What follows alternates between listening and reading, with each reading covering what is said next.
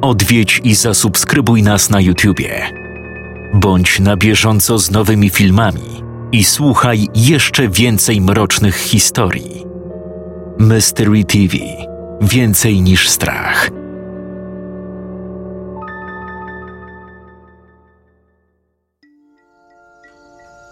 Gwar krzątających się ludzi powitał ich, gdy tylko weszli na teren posiadłości państwa cichockich. Wokół miejsca zbrodni, ogrodzonego starannie biało-niebieską taśmą, krążyli pracownicy zespołu zabezpieczającego zwłoki. W oddali, oczekując zapewne kolejnej sensacji, zebrała się kilkuosobowa grupa cywili, powstrzymywana przez dwóch policjantów – Staniewski nie musiał oglądać ciała. Wiedział, że jest w okropnym stanie. Zamiast tego, czym prędzej zamierzał przesłuchać Witolda Cichockiego, który jako mały chłopiec należał do bandy dzieciaków widzącej małego Reja po raz ostatni. Pożółkłe stronice archiwalnych dokumentów, rzucone przez Pietrzyka na tylne siedzenie radiowozu, zawierały pełne informacje o wszystkich członkach grupy do której należeli Grzegorz Opalski, Marlena Goździk, obecnie Bałtowska, Alicja Reś, po mężu Malinowska, Witold Cichocki oraz Paweł Woźniak. Co jednak niezmiernie zdziwiło Staniewskiego, to fakt, że rodzina Woźniaków nie posiadała dzieci. W pewnej chwili z tłumu zaciekawionych gapiów wyrwała się młoda, czarnowłosa dziewczyna – dzierżąca w dłoni dyktafon i prezentową torbę podróżną.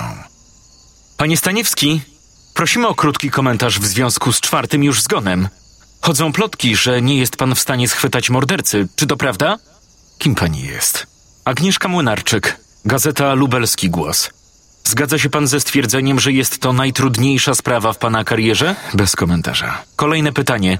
Czy wpadł pan na jakikolwiek trop mogący pomóc w rozwikłaniu zagadki tajemniczych morderstw? Chodzą plotki, że policja jest całkowicie bezradna. Pani Munarczyk, dla dobra śledztwa nie mogę powiedzieć nic konkretnego. Proszę mi jednak wierzyć, że robimy wszystko, co w naszej mocy, aby schwytać mordercę. Dziękuję.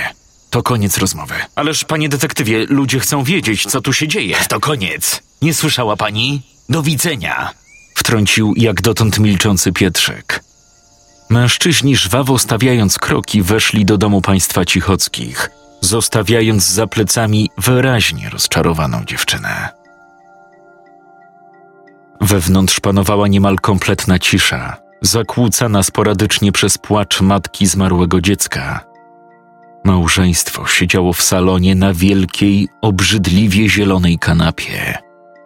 Postawny urzędnik, Witold Cichocki, obejmował ramieniem płaczącą żonę, choć sam ledwo powstrzymywał łzy. Dłonie trzęsły mu się z nerwów.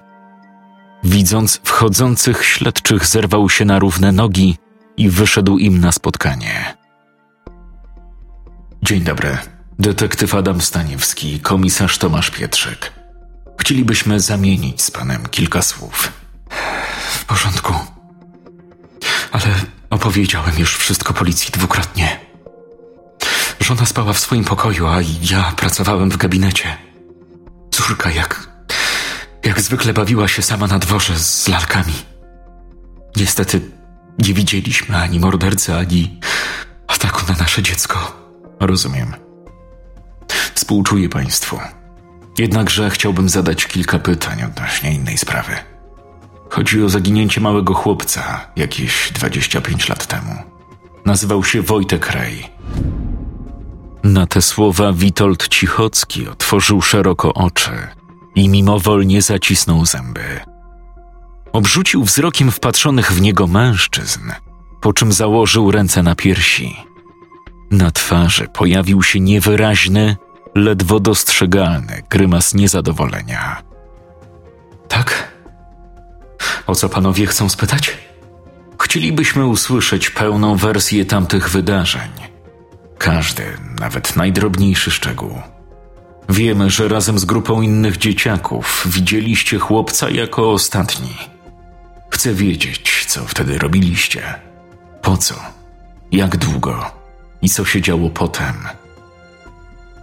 Pietrzyk, wykorzystując moment rozmowy, ukradkiem wyciągnął z kieszeni spodni paczkę klubowych. Niemrawym ruchem sięgnął po papierosa, po czym kątem oka spojrzał na Staniewskiego. Detektyw, widząc jego zachowanie, zganił go wzrokiem, kręcąc przy tym z politowaniem głową.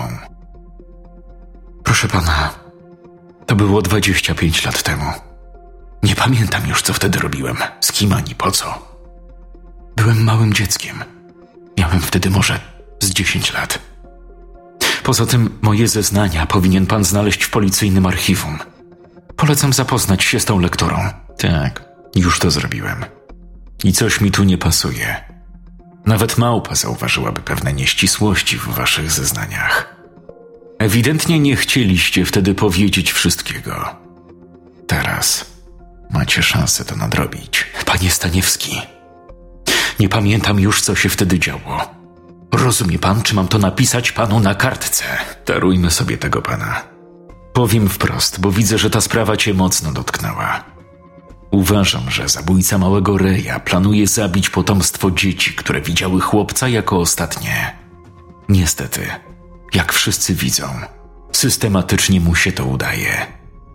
Ostatnią osobą na liście jest Paweł Woźniak. Tyle, że on nie ma dzieci. Cóż, mylisz się. Woźniakowi dwa tygodnie temu urodziła się córeczka. Najwidoczniej masz przestarzałe informacje. A teraz przepraszam. Muszę zająć się żoną. Żegnam państwa. Wychodząc na zewnątrz, Pietrzyk strzelił palcami, odrzucając gdzieś w krzaki niedopalonego peta, po czym zwrócił się do partnera. Adam, jeżeli twoja teoria jest prawdą, a niestety wszystko na to wskazuje, musimy natychmiast ostrzec rodzinę woźniaków. Ich córka jest w niebezpieczeństwie. Staniewski nerwowo zacisnął pięści i napiął mięśnie pleców. Choć zwykle w takich sytuacjach zachowywał spokój, rozmowa z Cichockim wyprowadziła go z równowagi. Kutas, coś przed nami ukrywa. Ale masz rację. Musimy czym prędzej do nich jechać. Nie możemy pozwolić, aby sprawca dopadł niemowlę.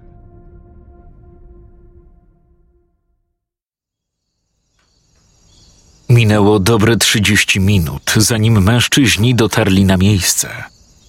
Wychodząc z podstarzałego dełu, usłyszeli zaciekłe ujadanie czworonogiego strażnika. Złocisto-brązowy owczarek niemiecki, zapewne widząc w nich potencjalne zagrożenie, szczekał zajadle, próbując w ten sposób zwrócić uwagę swojego właściciela. Pietrzyk podszedł pod metalową bramę odgradzającą go od rozszalałego psa. Zadzwonił dzwonkiem i mimowolnym wzrokiem rozejrzał się po posesji. Kwadratowy, jednopiętrowy dom państwa woźniaków. O ścianach pokrytych gładzią tynkową wybudowany został na obrzeżach Lubianowa. W oddali, jak okiem sięgnąć, nie znajdowało się żadne sąsiednie domostwo. Zapewne małżeństwo nie przepadało za towarzystwem obcych. Azor! Do budy! Co za cholerny pies! Dzień dobry panu. Komisarz Tomasz Pietrzyk i... Tak, tak, tak, słyszałem. Czytam gazety. Co też panów do nas sprowadza? Jeżeli to możliwe, wolelibyśmy porozmawiać w środku. To pilne. O, cóż. O, jeżeli tak, to zapraszam. Żona za chwilę zaparzy wodę na herbatę. Wnętrze domu nad wyraz obskurne, śmierdziało alkoholem i papierosami. Po podłodze walały się niedopite butelki wódki i wyświechtane ubrania, nieprane zapewne od wielu dni. Staniewski spojrzał pytająco na Pietrzyka, ten wzruszył tylko ramionami. Podobno został pan ojcem. Ha, ha, ha, ależ tak. A niedawno urodziła nam się śliczna Jolasia. W życiu nie byłem równie szczęśliwszy niż teraz. Proszę, proszę, rozgośćcie się. Tomasz zrzucił na podłogę puste paczki po chipsach i rozsiadł się na wypłowiałej, zapewne przed laty intensywnie czerwonej kanapie. Siedząc, poczuł, jak wygięta sprężyna wbija mu się w lewy pośladek. Baśka, zapasz no panom herbaty i chodź tu czym prędzej. No dobrze. Słucham, w jakiej sprawie panowie milicjanci do nas przychodzą? Interesują nas wydarzenia z lipca 71, a konkretnie szczegóły zaginięcia pewnego chłopca. Nazywał się Wojtuś Rej. Znowu ktoś pyta o twoje zeznania? Wtrąciła pani woźniak, wchodząc do salonu z drewnianą tacką i dwiema filiżankami. Staniewski z Pietrzykiem spojrzeli na siebie, nie kryjąc zdziwienia. Znowu? Czy ktoś interesował się ostatnio tym wydarzeniem? Tak. Odwiedził nas dziwny jegomość. Wysoki, dobrze zbudowany. Jakieś dwa dni temu. Przedstawił się jako Zbigniew Kołecki. Pytał o szczegóły nocy, w której zaginął ten chłopiec. Zostawił nawet wizytówkę z numerem telefonu. Powiedział, że to tak na wszelki wypadek. Czy mają pani przy sobie? O, ależ oczywiście. Za chwilę panu przyniosę. O co dokładnie pana wypytywał? No, cóż, no. Chciał wiedzieć, co robiliśmy tamtej nocy. Jak wyglądał przebieg wydarzeń, o której godzinie się to działo i jakieś tam inne pierdały. No, ogólnie sporo tego było. Rozumiem. A mógłby nam pan teraz to wszystko powtórzyć? Sądzimy, że zaginięcie chłopca ma związek z obecnymi morderstwami. No, nie wiem. Tamten mężczyzna zaoferował nam ładne pieniądze za wyjawienie prawdy, a pan raczej nie ma nic do zaoferowania. Wyjawienie prawdy? To ma pan coś do ukrycia w związku z zaginięciem małego Reja? Gospodarz, jakby zdając sobie dopiero sprawę ze słów, które wypowiedział, nerwowo się zapowietrzył i spuścił wzrok na podłogę. Po chwili spojrzał na wracającą z kuchni żonę i paskudnie zacharczał. Cóż, powiedzmy, że dopiero niedawno coś sobie przypomniałem. Jest jakiś konkretny powód, dla którego miałbym i wam, panowie, o tym powiedzieć? Powiem wprost. Sądzimy, że morderca z lat 70. poluje również na potomstwo ostatnich świadków, którzy widzieli Reja. Zapewne słyszał pan o tragicznych morderstwach, w których zginęły dzieci państwa opalskich, bałtowskich, malinowskich i chociażby ostatnie cichockich. Idąc tym tropem, państwa córeczka jest w śmiertelnym niebezpieczeństwie. Jeżeli wie pan coś, co może nakierować nas na trop mordercy, być może uda nam się uratować pana dziecko. W przeciwnym wypadku Twarz pana woźniaka pokryła się niewielkimi kropelkami potu. Zadziorna, dotąd pełna spokoju postawa gospodarza zaczęła emanować strachem i troską o życie córki. Nastała długa, niezręczna cisza. No żeż cholera jasna! Paweł, jeżeli nasze dziecko może umrzeć, masz natychmiast powiedzieć całą prawdę panom policjantom. Dokładnie to samo, co opowiadałeś temu dziwakowi dwa dni temu. Mężczyzna nerwowo zacisnął pięści. Spojrzał błagalnym wzrokiem na żonę, po czym głęboko odetchnął. Widać było, że nie ma ochoty wracać wspomnieniami do tamtej nocy. Dobrze, dobrze, niech będzie. Radzę tylko przygotować coś do pisania.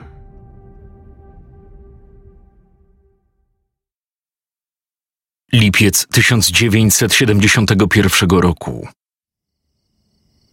Gwiaździste niebo spowiło mrokiem stare kamienice pośród wąskich uliczek Lubianowa.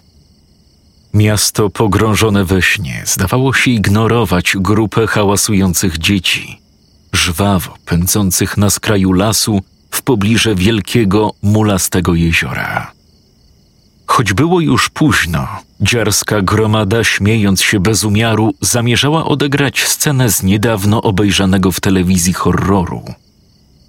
Mały chłopiec imieniem Witold dzierżył w dłoniach własnoręcznie zrobioną drewnianą tablicę z wymalowanym alfabetem i liczbami od jedynki do dziewiątki i zerem na końcu. Wszyscy, z wyjątkiem młodego, wychudzonego Reja, zdawali się emanować radością. To co? Kogo wywołamy najpierw? Zapytał nonszalancko Grzesiu Opalski. Może Hitlera albo jakiegoś diaboła? Odparła młodziutka Alicja, wyraźnie podekscytowana. Diaboły nie istnieją, ale duchy już tak. Dziadek opowiadał mi o słowiańskich stworach, które podobno w nocy porywają małe, niegrzeczne dzieci. Później, o ile są głodne, zjadają ich ciała, kawałek po kawałku, a kości wyrzucają do jeziora. A tam głupoty gadasz. Duchy nie mogą wejść do naszego świata same z siebie. Trzeba je zaprosić. I po to właśnie nam ta tablica. Wojtuś Rej przełknął głośno ślinę i spuścił wzrok na rozwalające się buty. Za dużo, dwa rozmiary. Sam ją zrobiłeś? Zapytała pełna podziwu Marlenka. Oczywiście. Ja, Witold Cichocki, jestem już niemal dorosły. Umiem sobie poradzić z piłą i młotkiem. w przeciwieństwie do tego gamonia Wojtka. Hej, nie mów tak o nim. Może i jest z nas najmłodsza, ale to nie znaczy, że masz prawo się z niego śmiać, rozumiesz? Wtrąciła Alicja. Młody Rej spojrzał na dziewczynę ukradkiem. Uśmiechnął się, po czym wrócił do oglądania własnych butów. No, prawie jesteśmy. Paweł, masz świecę? Pewnie. Mam nawet kadzidełka. Kierując się wydeptaną, piaskową ścieżką, radosna gromada dotarła do niewielkiej plaży. Tafla wody, odbijając połyskujący blask księżyca, zdawała się tworzyć cienką granicę pomiędzy światem lądowym a krainą wodnych potworów. Dzieci przysiadły na ziemi, tworząc zwarty krąg. Ułożyły pośrodku tablicę i zapaliły świece. Mam pomysł. Przywołajmy jakiegoś wodnego stwora. Coś jak potwór z Loch Ness? Nie, jakąś, nie wiem, rusałkę, ćmucha czy coś takiego. Będzie fajnie. Dzieci ochoczo przytaknęły i złapały się za dłonie. Jedynie Wojtuś nie wykazywał entuzjazmu. Nerwowym wzrokiem omiótł grupę przyjaciół, choć w jego mniemaniu byli to tylko znajomi, z którymi kazała mu się bawić babcia. Niestety rodzice zmarli w wypadku samochodowym zaraz po tym, jak się urodził. O wielki morski potworze, Wielki morski potworze. czy jesteś tu z nami? Czy jesteś tu Przybądź nami? nam na spotkanie. Przybądź nam na O spotkanie. wielki, potężny Wielki, władco potężny jezior, władco i, rzek. jezior i rzek. Oczekujemy, Oczekujemy cię. cię. Odpowiedziała im głucha cisza. Jedynie gałązki rosochatych drzew, jakby poruszone nagłym wiatrem, zaczęły dyskretnie kołysać się na boki. Żywiole wody, królu podmorskich krain, prosimy, daj nam jakiś znak swojej obecności. W tej samej chwili z głębi jeziora zaczęły wydobywać się na powierzchnię niedostrzegalne dla dzieci niewielkie bąbelki, zupełnie jakby coś oddychało pod wodą. W oddali, wśród ciemnych drzew, rozniósł się przypominający krzyki ptaków odgłos. Dzieci rozejrzały się nerwowo po okolicy, nie dostrzegając jednak żadnego podejrzanego ruchu. Może powinniśmy przestać? Zapytała drżącym głosem Marlena. No co ty? Strach cię obleciał? Nie po to tu przyszliśmy, aby się nagle wycofywać. Dzieci niechętnie zamknęły oczy i ponownie wróciły do rytuału. Choć wszyscy się bali, nikt nie odważył się sprzeciwić przywódcy grupy. O wielki, wszechmogący władco jezior, wołamy cię, abyś. Niespodziewanie, ku przerażeniu dzieci, z brudnej, matowej głębi jeziora zaczęła wyłaniać się przypominająca ludzką sylwetkę postać. Powietrze niemal natychmiast spowił smród zgnilizny. Drzewa zaczęły szumieć, jakby targało nimi tornado. Okrąg został przerwany, a dzieci krzyknęły przeraźliwie. W ogarniającej ciemności dało się ujrzeć błędne, połyskujące ślepia potwora, przypominające i skrzące się blaskiem ogniki wpatrzone w ogarnięte strachem ofiary. W tej samej chwili zgasły zapalone świece, a drewniana tablica pękła z trzaskiem na dwie części.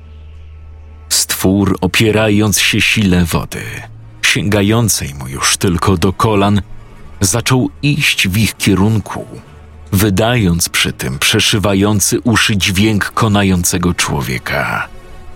Dzieci zerwały się na równe nogi. Nie patrząc za siebie, rzuciły się do ucieczki. Tumany kurzu wzbiły się w powietrze, przenikając do płuc i nosa, powodując uporczywe krztuszenie. Pomimo krzyków i pisków, w pobliżu nie było nikogo, kto mógłby usłyszeć wołania o pomoc. Potwór, jakby natchniony niewyobrażalną siłą, wyskoczył z wody wprost przed biegnące dzieci, zagradzając im drogę. Prężnie eksponując półprzezroczyste, niczym bryła balistyczna, wypełnione gęstą cieczą ciało, zaryczał złowrogo a jego szponiaste ręce zaczęły ciąć powietrze na boki. Szybciej! Uciekajmy stąd! Grzegorz chwycił leżący na piasku kamień i celnie rzucając, trafił monstrum w głowę. Ku jego zdziwieniu granitowy pocisk został wchłonięty przez wodne ciało, nie wyrządzając stworowi żadnych obrażeń. Jedyną reakcją, jaką osiągnął, było skupienie uwagi potwora właśnie na nim. Poczuł przeszywający dreszcz i skurcze żołądka. Bez wahania obrzucił wzrokiem porozbiegane dookoła dzieci. Odwracając się na pięcie, pognał przed siebie. Widząc to, w przypływie paniki przerażony Wojtuś chwycił leżącą na ziemi gałąź – zakończoną spiczastym ostrzem i ruszył z krzykiem na wodną istotę. Drewniana broń, niczym wojenna włócznia, wbiła się w monstrum, przeszywając je na wylot. Stwór zaryczał złowrogo, a przeraźliwy krzyk poniósł się echem po pustym lesie.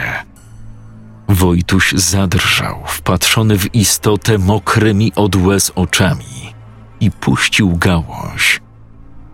Serce biło mu przyspieszonym rytmem. Nigdy wcześniej nie wierzył w potwory, a teraz przyszło mu stanąć z wodnistą kreaturą twarzą w twarz. Dzieci, nie przerywając krzyku, odwróciły wzrok w kierunku heroicznego czynu kolegi, po czym zastygły w miejscu. Potwór, jakby niezrażony atakiem, chwycił Reja za głowę i rozdziawił szeroko paszczę. Gęsta, matowa ciecz zaczęła wylewać się z jego ust, zalewając twarz chłopca próbującego wykonać jakikolwiek unik. Czując potworny ból spowodowany ogromną siłą ucisku, Wojtuś usłyszał trzask pękającej kości jarzmowej. Widząc to, Alicja zwymiotowała – po czym osunęła się na ziemię. Stojący obok Paweł podbiegł do dziewczynki, przełożył jej rękę przez kark i kuśtykając zaciągnął w głąb lasu. Reszta dzieci, idąc ich tropem, zaczęła uciekać w popłochu. Nie możemy tak zostawić Wojtka! Ten stwór go zabije! Za późno na ratunek! Już mu nie pomożemy! Wiatr przybrał na sile Noc zrobiła się jakby ciemniejsza. Szumiące liście drzew potęgowały u dzieci uczucie strachu, przyprawiając je o zawroty głowy. Wołanie o pomoc Reja poniosło się echem. Potwór pochwycił dzieciaka, przerzucił przez bark i dynamicznie podskakując, wbiegł w mętną otchłań jeziora pozostawiając po sobie jedynie wilgotne odciski stóp na piasku. Po chwili krzyk Reja ustał, a reszta gromady, nie oglądając się na porwanego kolegę, biegła wciąż przed siebie, próbując uciec jak najdalej.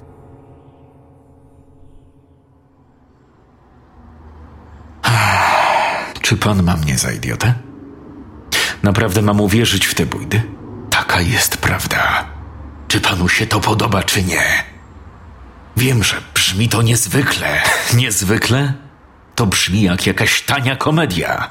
Cóż, jeżeli mi pan nie wierzy, Proszę porozmawiać ze Zbigniewem Kołeckim. Numer jest na wizytówce. Dziękuję bardzo za herbatę i możliwość rozmowy. To wszystko z naszej strony. Gdyby jednak przypomniało się panu coś nowego, na przykład prawdziwy przebieg wydarzeń, proszę do mnie dzwonić. Tu jest moja wizytówka. Do widzenia. Blask słonecznego popołudnia wdzierał się do gabinetu przez uchylone żaluzje. Zza okna dobiegał gwar ulicznego ruchu. Staniewski, rozłożony na skórzanym fotelu, zarzucił nogi na drewniany stół. Błądził myślami, zastanawiając się nad prawdziwością historii pana woźniaka. Choć wydawało się to niemożliwe, czuł, że zeznania w jakiś niezrozumiały sposób trzymają się kupy, a obraz wydarzeń nabiera sensu. Jest jednak pewne ale. Jeżeli faktycznie za falą morderstw stoi wodny stwór, dlaczego zabija dzieci świadków porwania Reja, a nie ich samych? Ta myśl, choć krótka i mglista, nie dawała mu spokoju. może powinniśmy zadzwonić do tego Kołeckiego? Odezwał się Pietrzyk, przerywając błogi trans detektywa. Być może posiada pewne nieznane nam informacje, które mogą doprowadzić nas do mordercy. Zawsze to jakiś trop. Adam w pełnym milczeniu wyciągnął z kieszeni spodni pożółkłą wizytówkę. Podniósł słuchawkę telefonu i zaczął wykręcać numer. W tej samej chwili rozległo się głośne, dochodzące z zewnątrz pukanie. Proszę, Drzwi powoli się otworzyły, a do środka wszedł odważnym krokiem zwalisty mężczyzna w długim, zwisającym do kostek płaszczu i kapeluszu Fedora. Porowata twarz i zmarszczki pod oczami świadczyły o kwiecie wieku, a ponury wzrok sprawiał wrażenie naznaczonego cierpieniem. Choć na pierwszy rzut oka nieznajomy wyglądał groźnie, tak jego gesty emanowały spokojem. Staniewski zdjął nogi ze stołu i poprawił duszący go krawat. Dzień dobry. Kim pan jest? Nazywam się Zbigniew Kołecki. Pracuję dla Instytutu Badań Paranormalnych. Zajmuję się analizą zjawisk wykraczających ponad ludzkie rozumowanie. Na te słowa Pietrzyk podrapał się po głowie. Pomimo wieloletniej służby w policji, nigdy nie słyszał o czymś takim. Co za zbieg okoliczności. Właśnie miałem do pana dzwonić. Chciałem pomówić o... Proszę posłuchać uważnie i nie przerywać zbędnymi pytaniami.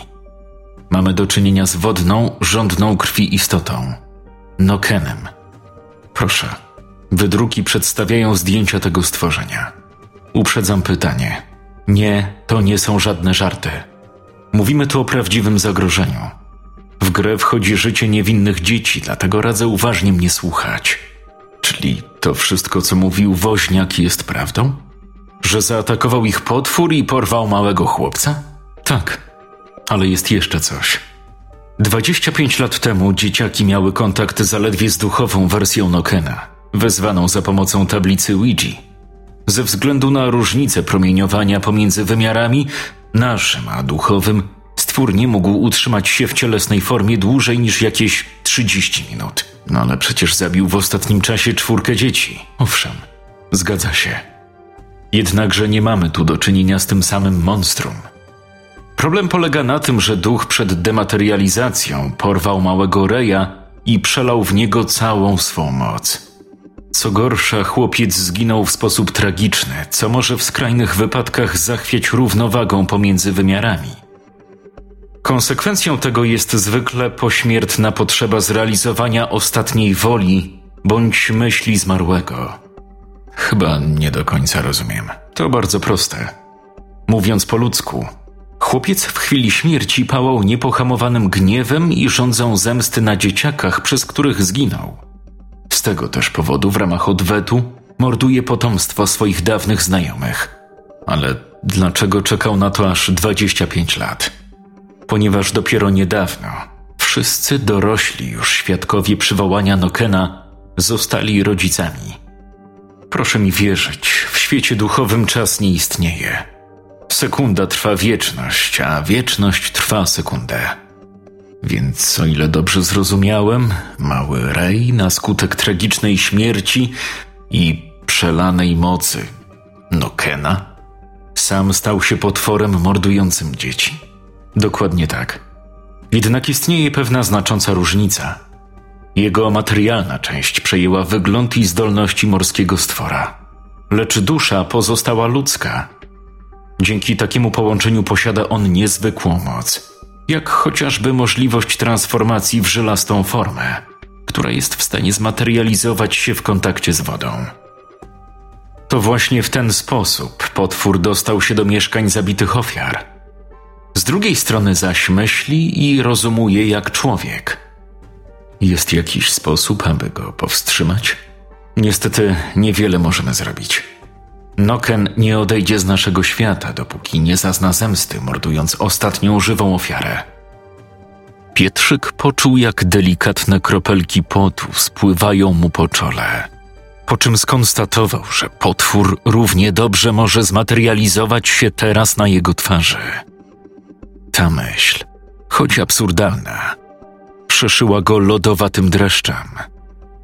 Tomasz, wszystko w porządku? W tej samej chwili w pokoju rozbrzmiał alarm dzwoniącego telefonu. Detektyw ze strachu aż podskoczył na fotelu. Powolnym, ospałym ruchem sięgnął po słuchawkę. Adam Staniewski przytel. Pani Woźniak? Co się stało? Proszę się uspokoić. Jak to zniknęła? Dobrze, zaraz będziemy. Kołecki stał niewzruszony. Wiedział, czego może dotyczyć rozmowa. Biorąc głęboki wdech, niemrawo spojrzał na wyraźnie przestraszonego Pietrzyka, którego ciało, jakby cierpiące na delirium, zaczęło się spazmatycznie trząść, po czym włożył kapelusz na głowę. Ludzkie słabości wydały mu się godne ubolewania. Szybko, jedziemy do woźniaków. Coś właśnie porwało ich córkę. Pędząc na złamanie karku z wciśniętym do oporu pedałem gazu, po piętnastu minutach dojechali na miejsce. Łamiąc po drodze wszelkie możliwe przepisy, Pietrzyk zadzwonił również po wsparcie i pogotowie. Przeczuwał, że sami nie będą w stanie zapanować nad tym, co zastaną na miejscu. Tak jak się spodziewali, powitała ich stojąca przed bramą zapłakana Barbara Woźniak. Widząc nadjeżdżających mężczyzn, opadła na kolana i nie ukrywając rozpaczy, zaczęła krzyczeć – Detektyw otworzył drzwi i podbiegł do trzęsącej się z cierpienia kobiety. Pani Woźniak, jesteśmy. Co tu się stało? Zabrał mi dziecko. Coś wyszło z łazienki i porwało naszą malutką Jolantę. Czy widziała pani, gdzie pobiegł? Tam, w stronę jeziora. Mąż za nim pognał. Sam nie da rady, pomóżcie nam. Nie ma czasu do stracenia. Biegniemy za nim. Proszę się nie martwić. Uratujemy pani dziecko. Pędzili przed siebie, niemal wypluwając płuca. Ciężkie, stawiane w pośpiechu kroki roznosiły się echem po całym lesie. Po kilku minutach natknęli się na ślad świeżej krwi, cieknącej wzdłuż wydeptanej ścieżki. Bali się najgorszego znalezienia martwego ciała malutkiej Jolanty. Choć płuca domagały się chwili odpoczynku, nie przerwali morderczego biegu. Zamiast tego ruszyli jeszcze szybciej, jakby od tego zależało ich własne życie. Nagle z oddali rozniósł się przytłumiony męski jęk, jakieś piętnaście metrów przed nimi. Mężczyźni spojrzeli na siebie porozumiewawczo. Jęk powoli przerodził się w błagalny krzyk konającego człowieka. Staniewski poczuł, że mrowieją mu palce u stóp, a łydki tężeją z bólu. Odetchnął dopiero gdy w gęstwinie krzaków dostrzegł bezwładne ruchy zakrwawionego woźniaka. Mężczyzna leżał na plecach, trzymając się oburącz za poranioną twarz. On, ten potwór, pobiegł w stronę jeziora. Niech pan oszczędza siły i nic nie mówi. Za chwilę zjawi się pomoc. Proszę, ratujcie moją córkę. Powieki woźniaka powoli się zamknęły, a głowa opadła bezwładnie, uderzając o miękką warstwę ściółki. Jedynie nikły ruch klatki piersiowej wykazywał oznaki życia, dając nadzieję na uratowanie mężczyzny. Staniewski ze złości zacisnął pięści i napiął mięśnie. Czuł, jak zalewa go fala furii. Schwytanie potwora stało się teraz dla niego sprawą honoru, niezależnie od czynów, które dokona. Kołecki, zostań z nim do czasu, aż nie zjawią się służby ratunkowe. Wykluczone. Moim zadaniem jest dokładna analiza potwora. Nie zaprzepaszczę okazji, aby go spotkać. Słowa mężczyzny wstrząsnęły Staniewskim. Od początku za nim nie przepadał, a teraz uczucie to urosło niemal do rangi nienawiści. Nagle ich uszu dobiegł diaboliczny wrzask, przeszywający na wskroś. Zadrżeli. Potwór był blisko. Ryk zdawał się przybierać na sile z każdą sekundą. W powietrzu dało się wyczuć oddech nadchodzącej śmierci, kroczącej tuż za ich plecami. Choć byli równie przerażeni, co przepełnieni złością, ruszyli w stronę źródła dźwięku. W tej chwili liczyło się tylko ocalenie życia dwutygodniowej Jolanty. Powietrze spowił odór stęchlizny, nad wyraz wyczuwalny i wdzierający się do nozdrzy. Jak gdyby czując nadchodzące zagrożenie, gromady ptaków wbiły się wysoko w powietrze, odfruwając jak najdalej od pędzących mężczyzn. Tuż przy jeziorze, trzymając na rękach owinięte w beżowy kocyk maleństwo, stał Noken, prężny i śmiertelnie niebezpieczny. Jego ciało składało się z gęstej, półprzezroczystej, płynnej mazi. Z palców i uszu spadały na ziemię krople wody. Widząc nadbiegających mężczyzn, zaryczał piekielnie.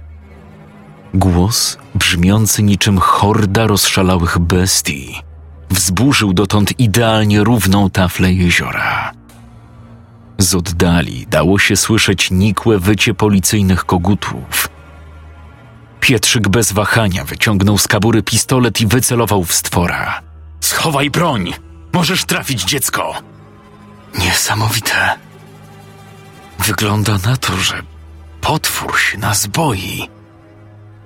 Detektyw, chwytając łapczywie powietrze, zmarszczył brwi, a jego twarz nabrała koloru purpury.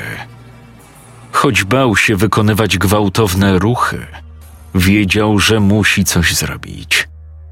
To prawda, co mówiłeś w gabinecie? Że potwór ma ludzką duszę i myśli jak człowiek? Tak, ale jakie to ma znaczenie? Staniewski nie odpowiedział.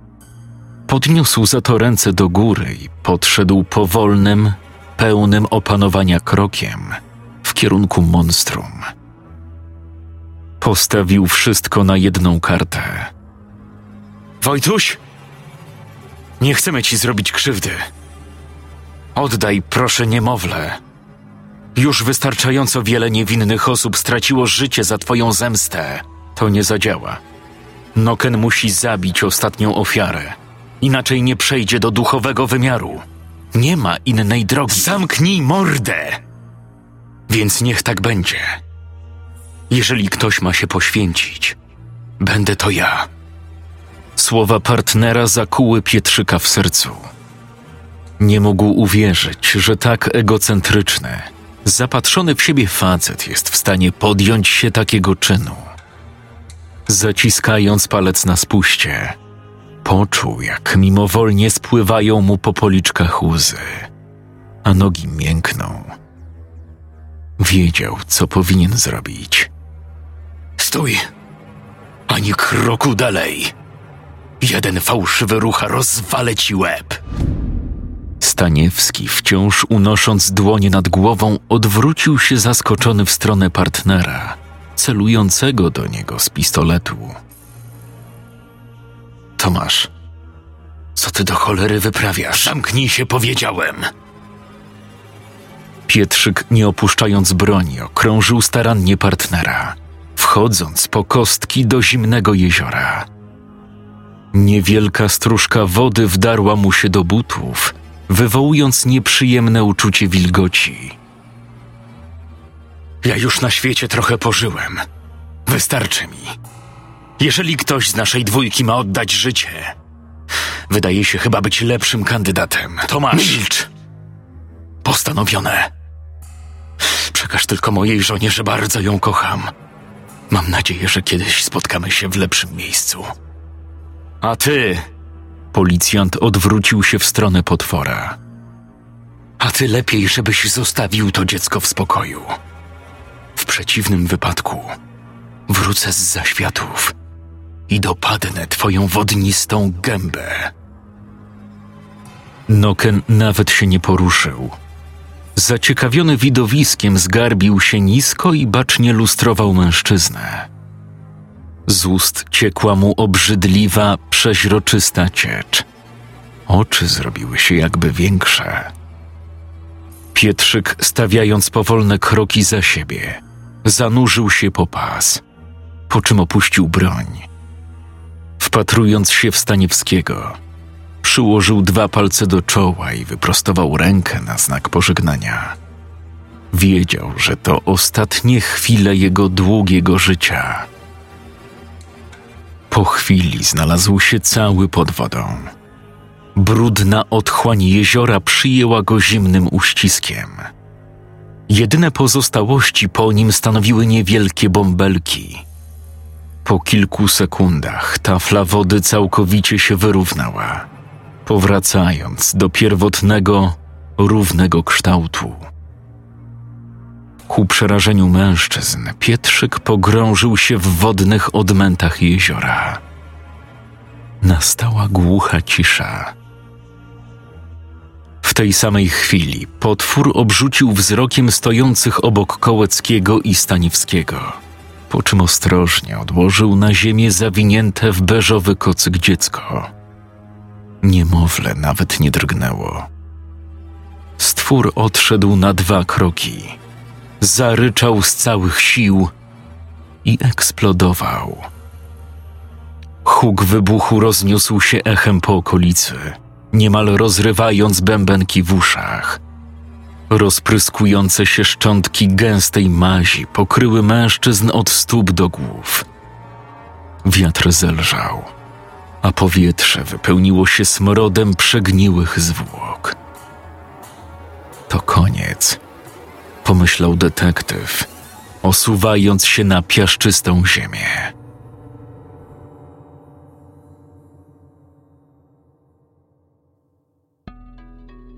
Tydzień później odbył się ceremonialny pogrzeb Pietrzyka.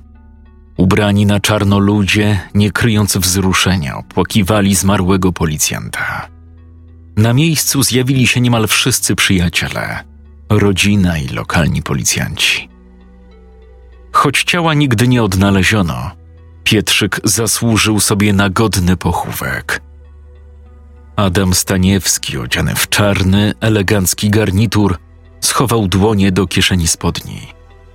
Wokół zakręciła mu się ciężka, pełna goryczy łza. Wpatrzony w marmurowy nagrobek, poczuł jak smutek chwyta go za serce. Mimowolnie rozejrzał się po okolicy.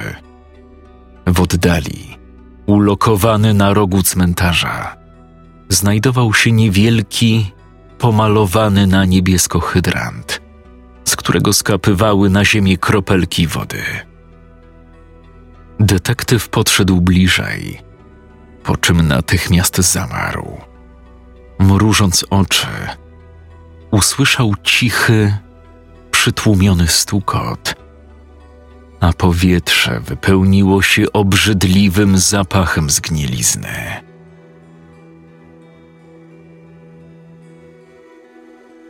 Scenariusz Adrian Iwaniak czytał Jakub Rutka.